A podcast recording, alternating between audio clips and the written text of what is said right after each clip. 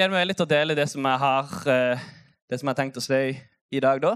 Og det som eh, eh, jeg føler at har vært litt på hjertet mitt, og egentlig helt siden jeg begynte som ungdomsleder, da, er rett og slett litt Jeg kan se om den kommer opp hvis jeg gjør sånn. Oi, oi. Det er taletema i dag. Hellige ditt navn. Veien Gud har for meg, der jeg skal gå. For det var litt eh, Det var det mye fram og tilbake, opp og ned i mitt hode og i mitt liv fra når jeg begynte som ungdomsleder. Hva skal man egentlig gjøre da? Og Det er et litt stort tema, da. Så vi ser om vi, ser om vi rekker det i formiddag. Men det er rett og slett retninga for mitt liv, da. Og jeg syns det var vanskelig å skulle klare å, å fatte helt da, eh, i begynnelsen. For det som ofte, det som skjedde da, Jeg skal ønske å dele litt mitt egentlig halvveis vitnesbyrd gjennom på en måte talen. da, Og så er det litt hva man har lært ifra det. i hvert fall i mitt liv. For det som jeg har funnet ut er at Hvis jeg bare deler mine erfaringer, så kan jeg ikke bli tatt på at det var feil eller teologisk galt. Det har opplevd skjedd i mitt liv. Så nei da. Jeg er ikke så redd for det. Eh, men eh, jeg har utgjort noe med noen veldig, eh, noe som har vært veldig viktig for meg. da, Noen tanker der. Eh, så jeg har grunna mye på dette etter jeg begynte å jobbe her i kirka. Skulle ta, fett, ta over stafettpinnen for Kristian. Og eh, det var jo liksom det som på en måte var litt sånn vanskelig på en måte å klare å fatte helt hvordan jeg skulle gjøre ting likt som Kristian. For det var på en måte det som var tanken da når man ble ungdomsleder etter en person som har gjort det i mange år. da. Og du skulle på en måte drive det sammen med ungdomsarbeidet. Og, ja, og så, jeg jo, så er jeg jo litt sånn svamp, så man har jo tatt av mye av de folkene som man på en måte har sett på scenen hver fredag. Så jeg tenkte, hvordan skal jeg klare dette? Eh, rockeband, piercing, jobb på KVS, alle disse tingene. Hvordan skal jeg bli Kristian? Og jeg begynte jo allerede å tenke på hvor skulle jeg ta piercingene? Hvor mye koster det? Og eh, hvordan får man så lang tunge? Hvor skal jeg farge håret? Er det permanent eller ikke? Det er det som er spørsmålet. Eh, for det er jo på en måte Guds plan for eh, ungdomspastoren, da, tenkte jeg. Jeg vet ikke hvordan det var i begynnelsen med Grete, om det var svart hår og alt. Eh, piercing og sånn. Men eh, det var iallfall det første jeg tenkte på. Eh, og så skjedde det jo heldigvis, da. Jeg fikk begynne på KVS, for det er jo der alle ungdomspastorene begynner å jobbe i Philadelphia etter Lillemanns, da, som var tidligere. Men eh, det er jo det jeg òg visste at det er Guds plan for ungdomspastoren. Og KVS Lyngdal er sidejobben, så da funker det veldig bra. Men det var for en måte mange sånne tanker som kommer, da. Og det, er, og det er jo på en måte noe jeg, jeg tror er noe av det vanskeligste vi sliter med alle, kanskje videre og videre i dag, er jo liksom dette her med hvordan skal på en måte jeg gjøre det, da. For jeg tror det er liksom en dimensjon av å leve det livet som man er kalt til, på en måte som er Det er en retning som Gud har for oss. Men det kan jo ikke være likt som alle andre. Det blir jo vanskelig. Men likevel så er det noen ting som er like, og det var skikkelig vanskelig i begynnelsen. Men jeg traff på eh, et eh, Det var mange ting som ble sagt til meg av bl.a. dere, som hjalp meg veldig. Men det var òg et sitat som eh, jo traff veldig dypt da, eh, når jeg skulle finne ut av dette. For vi hadde en taleserie på, eh, eller en tale på MEF Extend. Woo! Nei.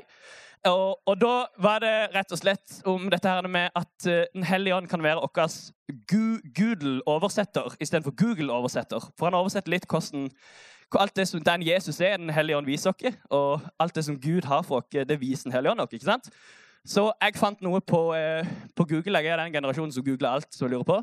Så var jeg jo litt sånn ja, man kan si litt tungt, tungt sted i livet. Og da var det et sitat jeg fant.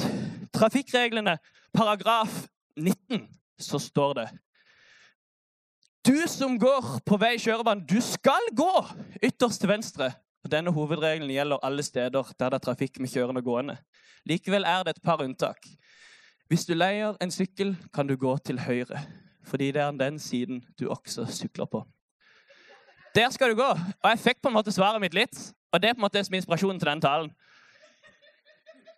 Hvilken vei skal jeg gå? søkte jeg på der oppe i et desperat øyeblikk i livet. det var det første som kom opp, så da gikk jeg for det. Det er ingenting annet enn trafikkregler som kommer opp. Så prøvde å bla lenger ned. Så det er jo på en måte det som er litt uh, av uh, tanken for talen i dag. Da. Eller det passer rett inn i situasjonen min. Gud kan bruke Google. Nei da det var egentlig litt demotiverende å ikke få noen gode svar der. Det er og sånn det var. Vi så jo på ungdomsmøtet at det var ikke så mye bra egentlig du får av å oversette ting på Google, for det blir ofte helt det motsatte. Men jeg skal ikke gå inn på det nå. Ja. Hvor skal jeg gå? Veien jeg skal gå på.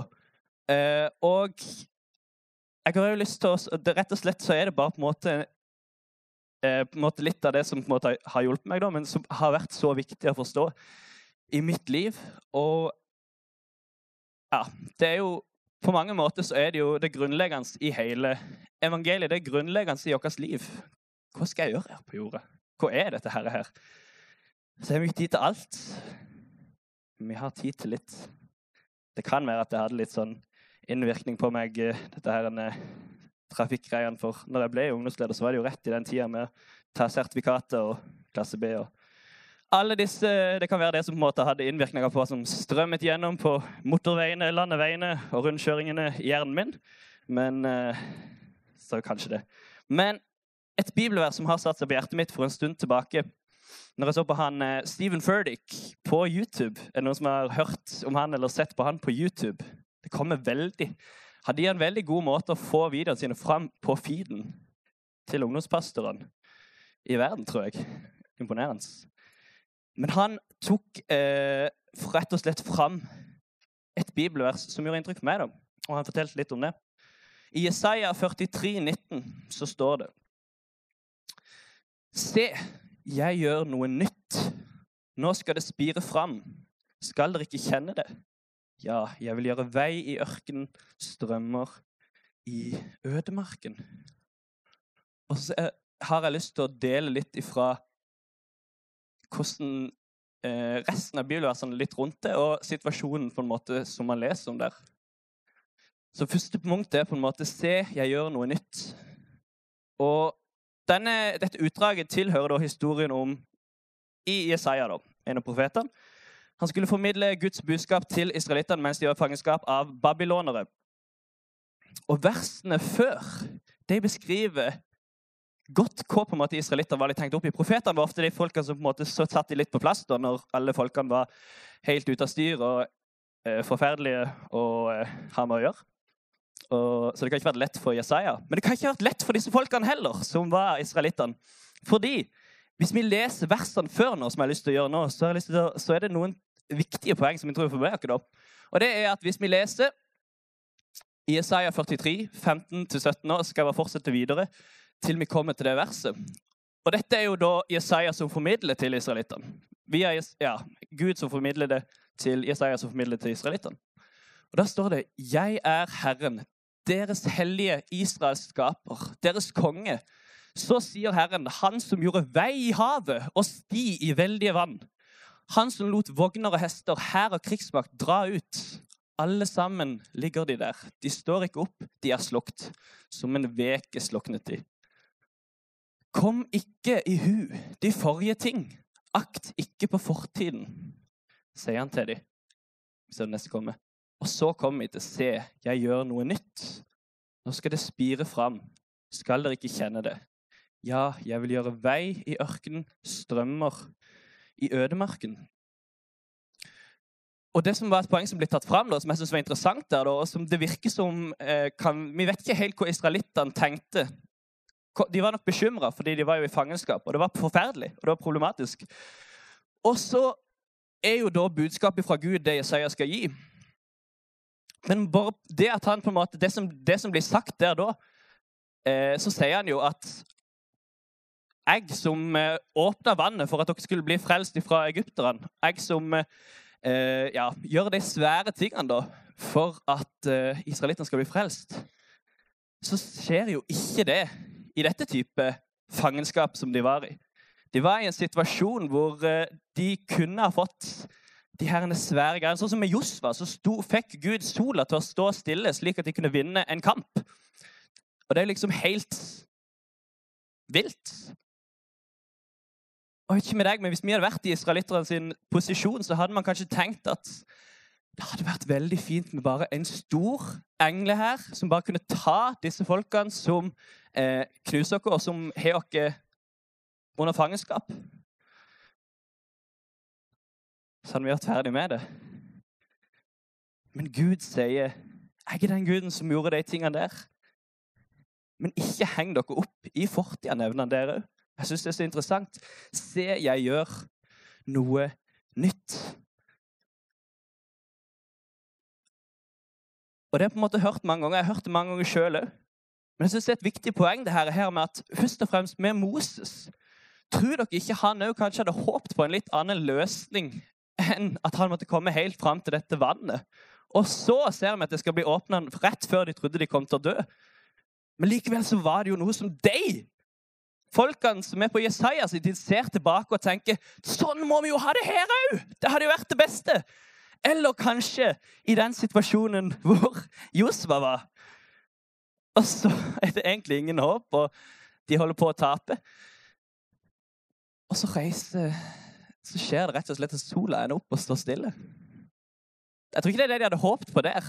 Jeg tror sikkert òg Josva så tilbake på når han var igjen i den gjengen som gikk igjennom mørken, og så, så skulle de bli de jaga av egypterne, og så åpne havet. Så han håpet nok på at det skulle være noe likt som i den situasjonen òg, kanskje. Men så skjer det noe helt nytt. Og det skjer noe nytt. Og det som jeg synes er så litt sånn rart å tenke på, er at det nye som skjer for hver gang, er gjerne noe som folk ser tilbake på og tenker sånn må det jo være. For det var jo vilt.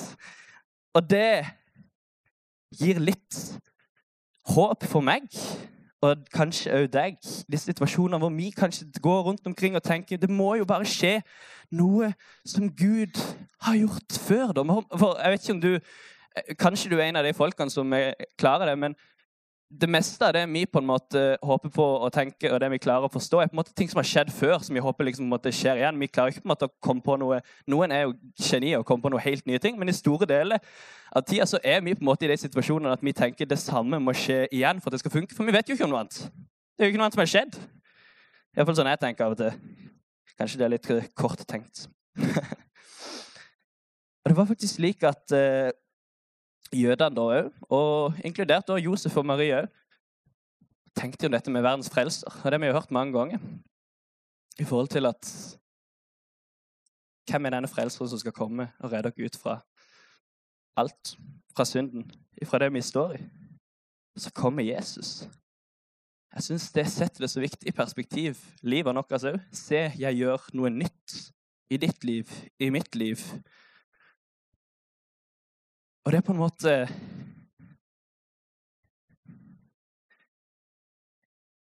Ja, det er på en måte veldig bra da, når man sier det sånn, men jeg irriterer meg gang på gang over alle situasjoner som ikke går etter min vei, eller som ikke går på den måten som jeg skulle ønske at det gikk. da. Løsninger som gjerne skulle vært annerledes enn det jeg tenker, for jeg vet jo alt. ikke sant? Og av og til føles det litt, føles litt ut som at Gud gjerne kan irritere oss litt for gøy da, med at ikke vi får viljen vår. Litt sånn som foreldrene Jeg håper ikke foreldre gjør det med småbarn, forresten. Men at som kanskje du som storebror gjør med en lillesøster eller lillebror. ikke sant? Irriterer litt for gøy fordi du er glad i dem og syns det er litt gøy. Jeg tror ikke det er sånn. Men til tider så kan jo dette bli litt det kan bli litt kaos, både innvendig og utvendig. Spesielt i et uh, ungdomsarbeid. Åh, vi har hatt våre kaosdager. Det har vært fantastisk. Hva er favoritt-kaosopplevelsen uh, deres ungdommer? Har dere noen? Ja. Eh, det var jo nyttårsaften hvor vi ikke hadde nyttårsaftfilm. Og så lagde vi den dag, dagen før og redigerte hele natta. det var kaos gøy kaos. Vi hadde en uh, oppe til klokka åtte, og det var kjempegøy. Jeg vet ikke om så mange husker det var en fin livesending hvor André leda, og så gikk hele lydanlegget amok. Og du fikk det ut på stream, og André gikk rundt i smerte. Gledelig. Vi trodde det var noen som krasja i bygget, eller en bombe som traff. eller noe sånt. Fordi han var her, og så skulle han bare opp og si 'velkommen'. 'Velkommen!' Og så begynner han, Og så skrek han til, og så løp jeg. Det var sånn som det. Og så sier han uh, Går han hit, og så skal han til å si 'velkommen' igjen. Kom. Og så skriker han, og så løper han. Det var gledelig. Vi må få tak i en, uh, få vist den videoen en gang. Hvordan livestreamen gikk for dere. Jeg vet ikke hvordan livestream var for dere voksne. Var det gøy? Nei. Nei. Kaos. Noe nytt. Noe nytt bringer kaos, er jo det på en måte jeg har fått innstempla i mitt hode. da. Men det er litt demotiverende å tenke på hvor lite kontroll vi egentlig har. da. Og det nevnte vi jo ganske fort etter koronatida, at det er ikke så mye vi kan gjøre når de store tingene skjer. Det er demotiverende å innse at uh, man ikke alltid er enig eller forstår kanskje Guds tanker alltid. Det syns jeg iallfall. Spesielt når man er på det området hvor man føler at man har skjønt eller man føler at liksom er der, og så blir det på en måte en U-sving den andre retningen.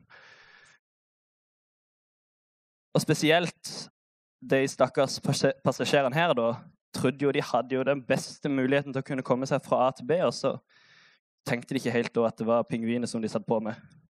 Og Man skjønner jo på en måte òg frustrasjonen av disse israelittene, for å si det mildt. For, for det var, når du tenker deg om at det er situasjonen hvor du skal bli noen som jager etter deg, og de vil drepe deg i Egypt, så har du bare når du har hele flokken, og du har ikke minst Israels folk som var i Moses sitt hode. Og så skal du stole på noe som høres ut som en gal mann som sier 'vent her!' fra Moses. Som for øvrig ikke kunne egentlig snakke ordentlig heller, så det var jo en vanskelig situasjon å være i. Og jeg tror vi alle egentlig er, er der at noen er jo litt mer friere i tanken enn andre, og alle de tingene der, men til bunn og grunn så er jo trygghet det viktigste her.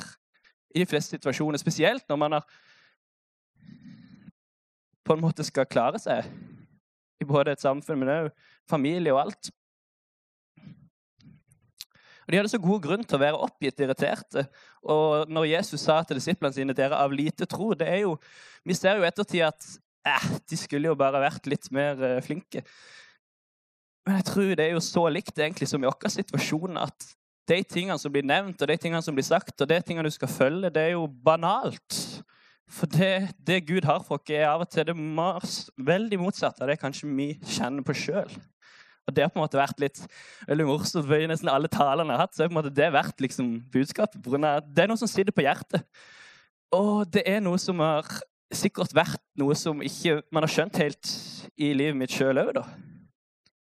Men det tok ikke så veldig lang tid før de tankene av de demotiverende tankene som kom av at det er så vanskelig å klare å ha med å gjøre, og det er så vanskelig å planlegge, og det er så vanskelig å gjennomføre det på slik måte som man tenker. Men det, lenge, det tok ikke så veldig lang tid faktisk, før det fikk en litt sånn, en liten sånn helomvending på hvordan jeg egentlig tenkte om de tingene der. Jeg skjønte jo først og fremst, som jeg nevnte tidligere, at 99 av de gangene jeg skal prøve å komme på noe eller gjøre noe bra, så er det jo bare fra de tidligere erfaringene. Og det er jo bare det her situasjonene som på en måte jeg klarer å forstå er bra. da, på en, eller annen måte så har jeg funnet ut av det. da. Og det er jo en skikkelig god egenskap å kunne tenke den veien i disse normale tingene som vi på en måte gir oss ut på. I, om det er privat eller i en kirke, eller hva enn det skulle være. Men det egner seg ikke så veldig bra når man på en måte skal gjennomføre og planlegge den herrenes verdens frelsesplan som Jesus eh, Som Gud på en måte hadde for oss. Og da skjønte man jo litt at det er jo ikke så mye man egentlig har å komme med i det hele tatt sjøl helt av seg sjøl. De tingene man klarer å finne ut av sjøl. For jo mer og mer jeg legger, med, for jo mer og mer jeg legger merke til at jeg på en måte feiler på planlegging og gjennomføring av eh, de, selv de mest normale tingene som man skal klare å få til eh, i ungdomsarbeid og i eget eh, private liv, så skjønner jeg også at jeg ikke er i stand som menneske til å håndtere de store tingene. Ta dem på mine skuldre alene. Frelse for et menneske. et liv hvor jeg kan være med å påvirke. Å være en del av den planen som Gud, som har på en måte skapt hele jorda, skapt alt som er av materie, skapt tida som vi er i, skapt alt av rom, så skjønner man på en måte litt at det er ikke nytte med den tankemåten i de tingene. Den tankemåten som vi har når vi skal planlegge morgenen med barn og med jobb og med barnehage, den tankemåten nytter ikke like godt i en frelsessammenheng, tror jeg. da. Og det er bare min egen erfaring at det går jo aldri å gjøre det på min egen måte. Selv om man prøver og man prøver. Og så blir man sliten, og så blir man trøtt, og så blir man lei, og så gidder man kanskje ikke. Og det er jo der problemet kommer. en tanke av at jeg skal få det til sjøl, leder til at jeg ikke orker å la Gud være en del av livet mitt. Da blir det plutselig litt alvorlig. Men jeg er fortsatt en viktig del av det hele. Hele måten Gud har tenkt å redde menneskene på. Jeg får ikke plass i hjernen min. det er jo naturlig. I hvert fall ikke når jeg driver og fyller hjernen med unødvendige sangtekster og filmsitater og alle de dårlige vitsene og alt mulig rart på skolen. Det er veldig bra, da, men jeg uh, får ikke plass. Men jeg er et menneske som kan være med å gå ut, ha bein, og jeg kan nå de som er rundt meg, for jeg er i nærheten av de som er rundt meg. Og når Gud kan få lov til å ha regien og kontrollen og gjennomføringsevnen, så blir det plutselig litt mindre press på hva man skal få til. Men det gjør det òg litt vanskelig å forholde seg til når flyet holder på å krasje. Men så har de jo kontroll, disse pingvinene. Nå blir jo pingvinene nesten framstilt som Gud her, da. Men, men. Det, gjorde, det var det ikke. Han hadde ikke kontroll, han heller. Det var flaks. Men Paulus skriver det veldig fint i sitt vitnesbyrd, på en måte, når han skriver brevet til korinterne. Og eh, Samtidig som det verset fra Jesaja, så er det jo en av mine på favorittvers. Oi, var det litt lite? Nei, det var bare lite der. Jeg skjønner hva dere mener. Det er helt en annen verden. Andre Korinterbrev 12, 9-10. Og så begynner det med 'men han svarte'. Altså Gud svarte Paulus. Han sier det videre til korinterne. 'Min nåde er nok for deg, for kraften fullendes i svakhet'. Derfor vil jeg helst være stolt av mine svakheter. Nei, det er jo Paulus som skrev det. Men uh, Nei, den slutter jo der. Etter i svakhet. Uh, det er jo Gud som sier, selvfølgelig. Uh, derfor vil jeg helst være stolt av mine svakheter, for at Kristi kraft kan ta bolig i meg. Og derfor er jeg fylt av glede når jeg for Kristi skyld er svak, blir mishandlet, er i nød, forfølgelser og i angst. For når jeg er svak, da er jeg sterk. For det er jo en logisk motsetning at du har fylt av glede når du opplever angst, da.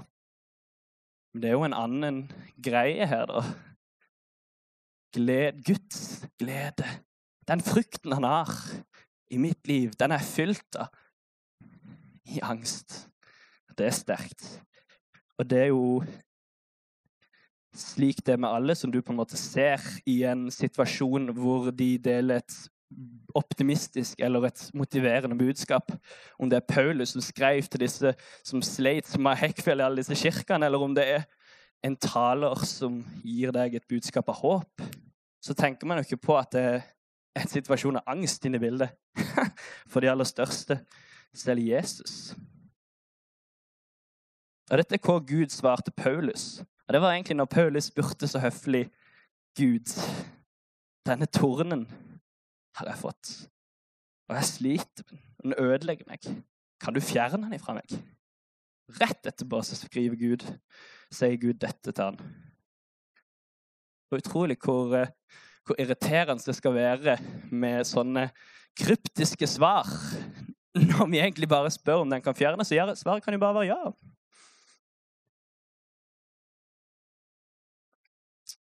Og det er på en måte så, noe som har truffet meg så mye da, i, uh, i den situasjonen som man har vært i, i forhold til at man skal klare å få beholde et annet syn på tingene når det blir kaos. Det er jo at vi kan ikke forstå hele Gud. Man har utdrag som man har lyst til å på en måte komme til bunnen av. Men hele Gud inni hodet vårt Du kan jo gjøre matten sjøl. Og det er på en måte noe som legger en veldig ydmykhet på oss. da. Og det er det på en måte som kan være med å legge opp til at Gud kanskje får plass i vårt liv i det vi velger å se at det er når jeg er svak, jeg er sterk. Det er da Gud kan få lov til å være en del av livet vårt.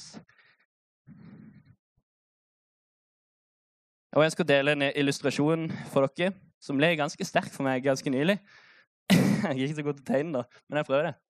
Og da er det rett og slett eh, Jeg skal stå her og gjøre det med trommene. Rett og slett her Ja. andre punkt, på en måte. Når jeg er svak, da er jeg sterk. Det går fint med høyttalerne. Ja. Vi har behov for å kunne vite hva vi skal gjøre. Det er jo ikke noe å snakke om engang. Det er jo det man opptar seg av, iallfall meg. Og jeg vil tro det er likt for andre som er eh, mennesker. Og man har liksom behov for å dere ser der, Vi har jo en start, alle sammen. Vi er enige i det. Om det er hele livet, eller om det er starten på dagen. Du kan se det som du vil. Dette er filosofisk. Og så eh, er det jo ikke slik at alle starter på samme plass. Første feilen jeg gjorde når jeg tegna, skikkelig korttenkt. En stopp, en stopp, ja. Vi begynner med det. Det er en stopp òg. Men starten er jo på en måte ikke helt én plass. Noen begynner der, noen begynner der, noen begynner der, og noen begynner der. Som med alle. Så har vi jo da på en måte en vei vi skal gå. Det er en god måte Bibelen beskriver livet vårt jeg, at vi skal gå den smale sti og ikke den store sti. Og alle disse uh, tingene som blir nevnt om hva, hvor vi skal gå, på en måte. Han nevner spesifikt at han er et, en lys for vår fot, en lykt for vår sti. Vi går på en vei. Jeg tror det er det ordet, måten å lettest å på en måte forklare livet. For det begynner en plass, og det har en strekning. Så her har vi fire personer. Eh, dette er Caleb, Grete, Sander og Thomas. Gul. Så får dere det. Neida, velg noen personer dere er glad i. Og så eh, kan dere velge hvem de er. Dette er jo på en måte Dette er jo veien, ikke sant? Fra der Oi, det var litt mer uheldig enn den. Mye mer uheldig enn den. Da kunne komme seg til bam, målet. En sånn en. Ja. Men han må finne seg i det. Ikke sant? Og så har det jo da effektivt. Riktig? Kan jeg høre et amen for effektivitet og eh, kontroll? Ja, der var det noen, ja. Jeg kjenner meg igjen i det. Jeg er faktisk litt sånn òg, selv om eh, jeg aldri kan få kontroll. Men du har det, og så bare se for deg 8 milliarder til på dette bildet.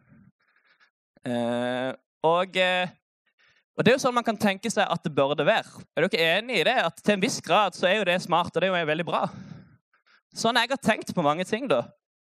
Gud, du må jo bare få meg fram til den ting som jeg har funnet opp i hodet mitt, er det beste! Kjempesmart. Og så ser det kanskje ikke alltid sånn ut, men det ser kanskje litt mer sånn ut. Noen er veldig glad i jul allerede i juli. Men noen eh, Husker dere Thomas? Vent.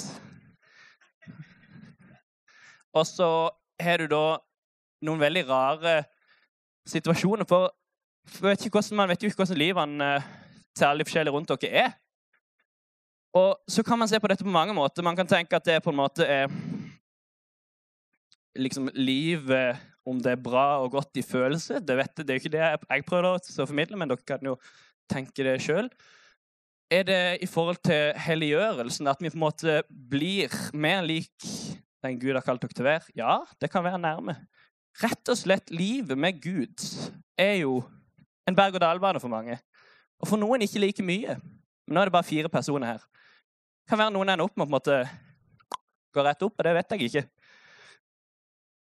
Men jeg har lenge tenkt at måte, disse tingene her At når man på en måte skal på en måte eh, være den personen som eh, denne, denne hyrden for deg rundt deg, de som du er hyrde for, eh, så kan du liksom si nei, det går fint, det er jo bare pga. Liksom, sånn skjer av og til, og av og til så er det litt sånn som skjer, og så, og så, kommer man videre, og så er det jo sånn, og det er jo riktig, det. Det er jo det som skjer. Logisk. Det er jo akkurat det som skjer. Men det er jo et spørsmål som er litt sånn rart å å forstå svaret på hvorfor er det ikke liksom, mer effektivt. Og det er på en måte hele greia til frelsen da, er at vi gikk vekk ifra Gud. Så ble det mye som fikk lov til å lede veien annerledes enn det vi i det hele tatt fikk klart å forstå, da. Men òg mer enn det vi klarer å kontrollere. Det er noe som sitter fast ifra syndefallet i våre liv. Så blir det slikt.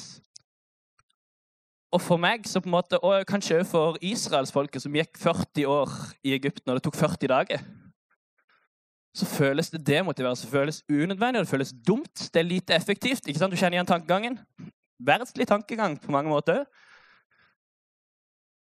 Og så skjønner man ikke poenget. Og så vet du ikke hvor mange folk er som på en måte har gitt seg. Stoppa den greia. Og mange har selvfølgelig heller ikke fått på en måte begynt. Så det er ikke helt perfekt tegning. Men det illustrerer hodet mitt. Det er det. Men det som ble så sterkt med er på en måte bare planla denne, hva jeg skulle si da. Veldig enkelt måte, budskap. Vi vet ikke Gud vet. Det er på en måte at det jeg kan holde meg fast til når det har vært vanskelig. Men det er jo at det er noe annet enn bare at dette skjer, og så fortsetter vi videre. Vi begynte å tenke litt der, Hva er det som på en måte skjer i denne ferden som vi har i livet? Og dette er noen punkt der. Det er veldig kult. Det er sånn en glitterfunksjon du kan tegne på i PowerPoint. Prøv det ut. Det er noen kryss her. På den gule, på den grønne, på den blå på den røde stripen. Og det jeg begynte å tenke litt på, er at disse punktene Dette er området hvor en person har truffet en annen person, og livet blitt snudd på hodet. Og det har blitt et evig liv for et annen person som har fått møte Jesus. Og jeg vet ikke om du ser på en måte Den nye logikken da er jo at hvis den hadde gått rett opp, så hadde ikke den blitt frelst. Hvis den hadde gått rett opp, så hadde vi ikke kunnet fått møtt den personen som trengte det. Fra å gå, som du ser den gule Er det Thomas? Går helt opp. Han er nesten i mål. og så er det på bonden Så er det på bonden han er med og treffer noen etterpå. Så setter det litt i perspektiv. Hva er det egentlig vi gjør for noe? Tenk om vi skal rett, uh, gå i en riktig linje rett fram, liksom. Det er litt morsomt å tenke på at fordi, uh, fordi vi uh, lever et liv hvor, vi, hvor, ting går litt galt, og hvor ting er litt problematisk, og hvor det blir litt kaos, da, som vi gjerne skulle unngått, er det jo da at når hele verden etter syndefallet er i kaos, så kan ikke vi være med å møte folk i en ordentlig og perfekt liv som vi skal klare å få til å leve. Og det var noe som, Jeg skjønte ikke helt det utsagnet en gang før. var jo at det er på en måte i svakhet hvor vi på en måte connecter. Var noen som sa en sånn American-tale. Der sier de har kule catchphrases. Det er jo så sant. Vi treffer jo hverandre der hvor det går litt galt, og der vi ikke får det til. For vi prøver på en måte å opptre som de beste. Og så er det egentlig med å skape en distanse fra de som trenger frelsen. Og det er jo det Jesus også sier. Det er ikke for de friske er kommet, men det er de syke som trenger en lege. Hva er det som kommer videre etter hvert, tror jeg? ja, vi venter litt med den.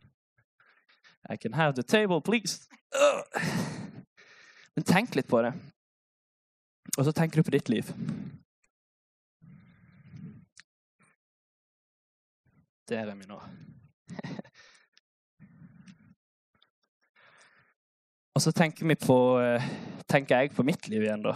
Som det på en måte begynte med.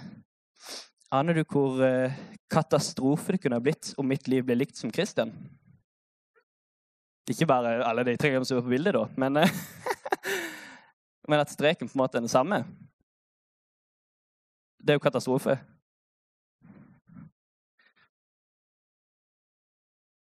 Og så er det jo på en måte totalt ulogisk, da, for du begynner på forskjellige plasser. Det går ikke an å ha den samme strekningen som noen som begynte på et annet tidspunkt enn deg. da. Så ja. totalt ulogisk. Jeg er kjempesmart. Nei, det er ikke det. Litt. Eh, og jeg har lenge tenkt på det på den måten da, at det på en måte er litt dumt. Men det er jo på en måte litt bra. Og det var jo et, vers som jeg på en måte henger meg veldig opp i i min eh, ungdoms, tidligere ungdomstid. Fortsatt ungdom. Og det er jo det som står i Romerne. Det på en måte ble et sånt vers som var veldig sånn nice. Og det på en måte var Det var motivasjonsverset. Og vi vet at alle ting tjener til det gode for den som elsker ham. og er kalt etter sin frie vilje. Og på en måte Det skaper jo problemer i forhold til at ja, så de dumme tingene er fra Gud. da. Og nei, det vet vi ikke, det, for det står i hans ord. Vi har ikke svaret på hvorfor det skjer. Fordi vi har en Gud som er større enn vår forstand. Vi har et liv som er større enn vår forstand. Men det vi vet, er at jeg tror den lille biten i vårt liv, siden vi er på en måte skapt i hans sitt bilde Vi har noe av det samme som Gud har. Vi er ikke det samme som Gud. det hadde vært vilt. Men det at vi har en måte å kunne prøve å gjøre det beste ut av noe som kanskje ikke er så bra. Og Gud er mesteren på det. Om planen var at du skulle lande her etter et langt liv med dumme og gode og alt innimellom ting, det vet jeg ikke. Og om planen var at vi skulle være der vi er i så mange år, når man egentlig vil noe annet, eller kanskje man kjenner man er kalt til noe annet, det vet jeg ikke. Men det er sånn sett 100% irrelevant, den tanken òg nå, er det jeg tenker. Fordi vi er her jo. Det er jo skjedd, så Men det som er relevant, er jo veien vi kan gå videre på, da, og forstå mer av den. Og vi har en mulighet til å følge det Gud sier, videre. Og jeg syns det er det er vanskelig å forholde seg til hvorfor ikke vi vet hvorfor ting er som det er, og hvorfor vi ikke kjenner til hele veien, slik at vi kan forberede dere litt og alle de tingene der. Men det som òg skjer på denne veien, er jo at Gud forbereder dere, former dere, gjør dere klar for det som skjer. Jeg ser for meg at det er litt sånn at sånn som når du ser en noen kan se for seg det som jobber på skole. Du har en elev som skal prøve å lære noe. Noen kan se for seg noe i forhold til at du har en person som du, du syns er veldig flink på et uh, instrument, eller noe sånt, men du vil at det skal bli bedre, og du er på en måte coachen. Du kan se for deg at det er barnet ditt. Du kan se for deg at det er en uh, Kanskje det er en uh, ja, vi bare hiver ut masse, en kjent person. Justin Bieber han var liten, og så syntes du han var veldig bra, og så håpte du på at det skulle gå veldig bra videre. Man har en, et håp, ikke sant? Og så skjer det mye drit. og du har kanskje ikke så mye å si i livet til Justin Bieber, eller sånn, men den personen som du på en måte coacher, da, og Et spesielt godt eksempel er jo kanskje mot barnet ditt. da, er jo at Når den gjør noe galt, og når det går feil retning av hva du på en måte Du har jo på en måte en mer tanke av hva dette barnet trenger, enn det det barnet har. Du har en mer tanke av hva denne musikalske personen trenger, fordi du har kunnet det allerede. ikke sant? Og så ser du hvor det går galt. Og da er det liksom ikke slik at du på en måte håpet på det men du har en mulighet til å kunne navigere videre ifra det. Og jeg tror det er mye av det som må være en av grunnene til at det blir litt sånn helomvendinger litt sånn problemer og litt sånn vanskeligheter for mange. Å forholde seg til Men så ser vi at det skjer noe mye større enn det vi klarer sjøl. Og det er det jeg har opplevd i livet, som gjør at det blir mer og mer motiverende å se veien videre. da. Gud vet vi vet ikke. Og det var faktisk en, eh, en tanke jeg fikk fra en eh, voksen i menigheten idet jeg begynte. Og det var ganske avgjørende. Det er ikke meninga at du skal følge Kristian sine fotspor. Du skal skape nye. Og det var ganske sterkt. For det er på en måte jeg tror det la et fundament i livet tidlig, da. Som gjorde at man skjønte det. Nå blir man emosjonell her. Men jeg har en teori om dette, så håper vi det går vekk snart. vi var oppe litt seint og spilte Minecraft før jeg skulle tale. Og da blir man trøtt. Da senker garden seg for at det kommer litt mer utstå. Og den teorien er veldig bra. Dere, eh, reklame for leir. På leir så blir man helt dødtrøtte, og man har ingen kontroll på hjernen sin lenger. Gud får slippe så mye mer til. Det er et godt bilde på generelt resten. Sånn, da blir det bedre. ja. Skal vi se, hvor var vi? Og hvor en verden, I en verden hvor vi på en måte Dette er selvrealiseringen og, eh, og identitet har svunget ut i alle mulige typer grøfter så var det veldig godt for meg å kunne legge det ned litt seint enn det jeg kanskje trengte det, men likevel i god tid. Jeg skal leve nært til Gud, slik at alt jeg er, kan komme på linje med Gud mer og mer. Jeg må la den, gamle skapning, nei, den nye skapningen få gjennomsyre, transformere restene og ettereffektene av den gamle meg. Og det vil se annerledes ut enn Moses sitt liv, enn Kristian sitt liv, enn Paulus sitt liv, og annerledes enn hva jeg klarer å skjønne sjøl. Det er Gud i mitt liv. Det er ikke bare mitt liv, men det er Gud i mitt liv. For du kan gå i grøften av at du skal være lik som de som gjør det bra, de som følger Gud. Du kan gøy i grøften at du skal gjøre det slik som du ønsker sjøl. Jeg tror det kan være like, to like eh, forskjellige farer. Det kan være forskjellige farer i begge grøftene. Det kan være like farlig på mange områder. Og en ting som jeg har lyst til å gå mot i en avslutning nå, da, er jo at vi har jo fått beskjed eh, Vi har jo denne, dette oppdraget som vi skal gjøre, at vi skal kunne få lov til å være med og gå ut og gjøre alle folkeslag til disipler. Det gjelder for oss alle. Og eh, jeg kan se for meg at eh, Jesus sier det litt sånn Kanskje som at de forstår det. da. De forstår det jo annerledes på den tida enn vi gjør. Men sånn jeg på en måte kunne sett det, er jo at han sier 'vent på Den hellige ånd', og så går Jeg er med dere alle dager inntil verdens ende. Og noen tenker kanskje at det gjelder den eventyreren, den misjonæren, eller den personen som kjenner at de skal gå ut i hele verden, som da er det lengst vekke geografiske fra oss. Og det tror jeg det gjelder til en viss grad, men det gjelder for oss alle. Det at jeg som ungdomspastor kan gå ut av min trygge sosiale situasjon og møte noen som trenger det. Det at jeg kan gå ut av min hverdagsrutine og velge å se til, søke Gud i begynnelsen av dagen min, enn å se på VG. Jeg vet ikke hva dere gjør. Det står at vi skal vente på Den hellige ånd. Det gjaldt jo spesielt disipler, nå, siden hadde jo ikke kommet ned ennå. Men det gjelder du og meg som ikke har fått det møtet ennå. Og så skal dere få kraft til å gå ut til alle deler av jorden. Og Det betyr jo alle deler av jorden. Men du kan ikke rekke alle, så det er et oppdrag til dere alle.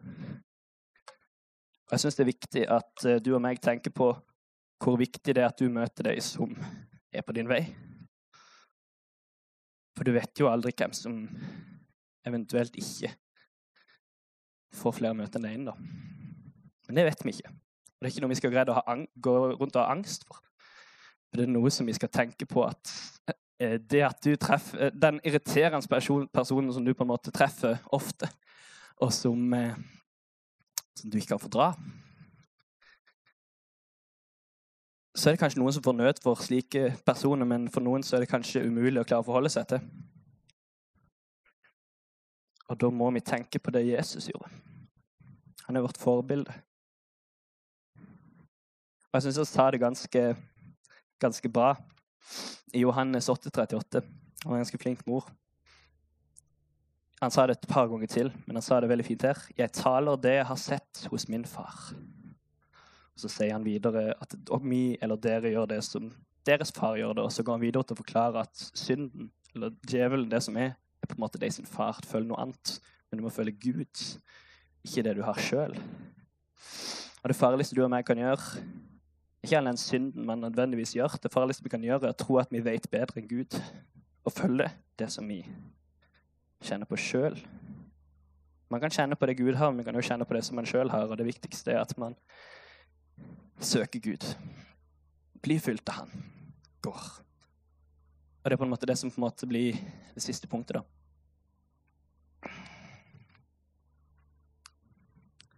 Hvor rått hadde ikke det vært om vi kunne hatt den tilnærminga mer i våre liv? Og eh, det sier jeg til meg sjøl òg, fordi det faller ut på en måte nesten hver mandag. Den tankegangen. Og jeg tar meg sjøl så veldig i dette her òg. For dette er, ikke, dette er faktisk ikke en ny, bare en ny sånn leksjon eller en ny sånn oppfordring for meg som er mye yngre enn mange av dere òg, men det er rett og slett bare en personlig erfaring. Dette er ikke bare enda en leksjon i hvordan man skal hvordan den daglige bønnen og Bibelen er viktig for at du skal få en god rutine for livet med Gud. Nei, det at du faktisk kommuniserer med den, din far. Det at du kommuniserer med han som har skapt deg. At du blir mer og mer lydhør og klar. Og Den hellige ånd ønsker å si til deg og gjøre i ditt liv. Slik at du ser Jesus klart. Hvem han faktisk var. Og det er jo faktisk avgjørende for det livet som du lever. Og ikke bare det livet som du lever. For de som du møter. Vi har et ansvar. Og det ble jo ikke den mest eh, stereotypiske adventsandakten, kanskje det der er. Jeg vet at det ikke skulle være det. Men for meg så har på en måte jula blitt et så sterkt bilde på hva, hva livet vårt egentlig handler om her. Veien Josef gikk sammen med Maria og Jesus. Ikke bare fram til han ble født, og at de ble født i en stall. og Det var mye dramatisk der, men det var faktisk en situasjon som var avgjørende for livet til lille Jesus barn. Og det var at Josef fikk høre at dere skal gå til Egypt. Han gjorde det. Kan det hende at de hadde tatt og drept det guttebarnet hvis ikke? Det vet vi ikke. Den minste, den aller minste, det minste man klarer nesten å få gjort, det er at noen eh, At vi hadde en stall som Jesus kunne bli født i.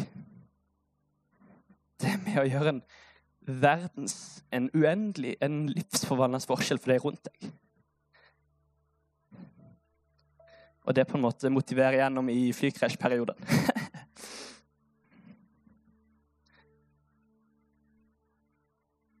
og det som er så morsomt, er jo at det bitte lille livet vi har her nå, det er jo ingenting i forhold til evigheten. Men det bitte lille vi gir dette livet, kan bety evigheten for noen.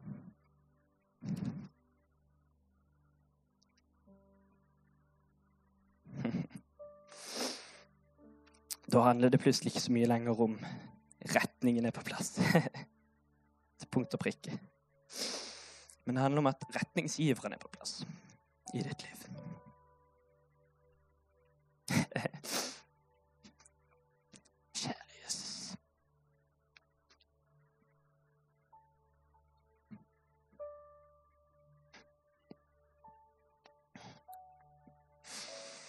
Takker deg for at du er her.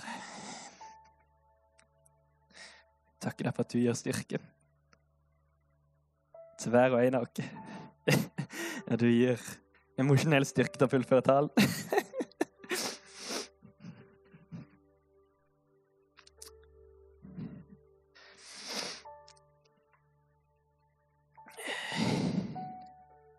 tror jeg vi har noe her. Julas budskap er et budskap om ydmykhet. Om at Gud får få troen. Om at vi følger ham fremfor oss selv. Livet er så mye mer enn hva vi sanser sjøl. Så er det så mye mer enn bare et guttebarn som ligger i krybben.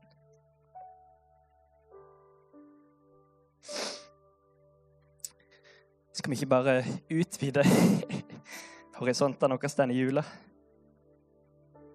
Og videre inn i livet vårt, hvor vi kan møte noen som trenger det? Jeg ønsker å gjøre en oppfordring til slutt nå, før vi skal lovsynge. Og det er rett og slett 100 til meg sjøl òg. Det å si disse tingene i ditt liv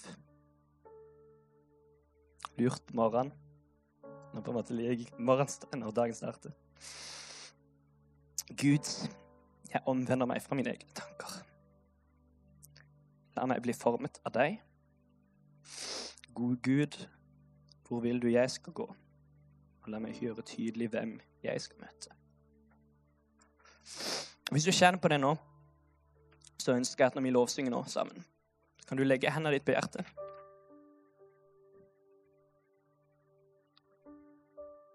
Så kan vi la Gud få lov til å være med og påvirke der han kanskje ikke har påvirka før.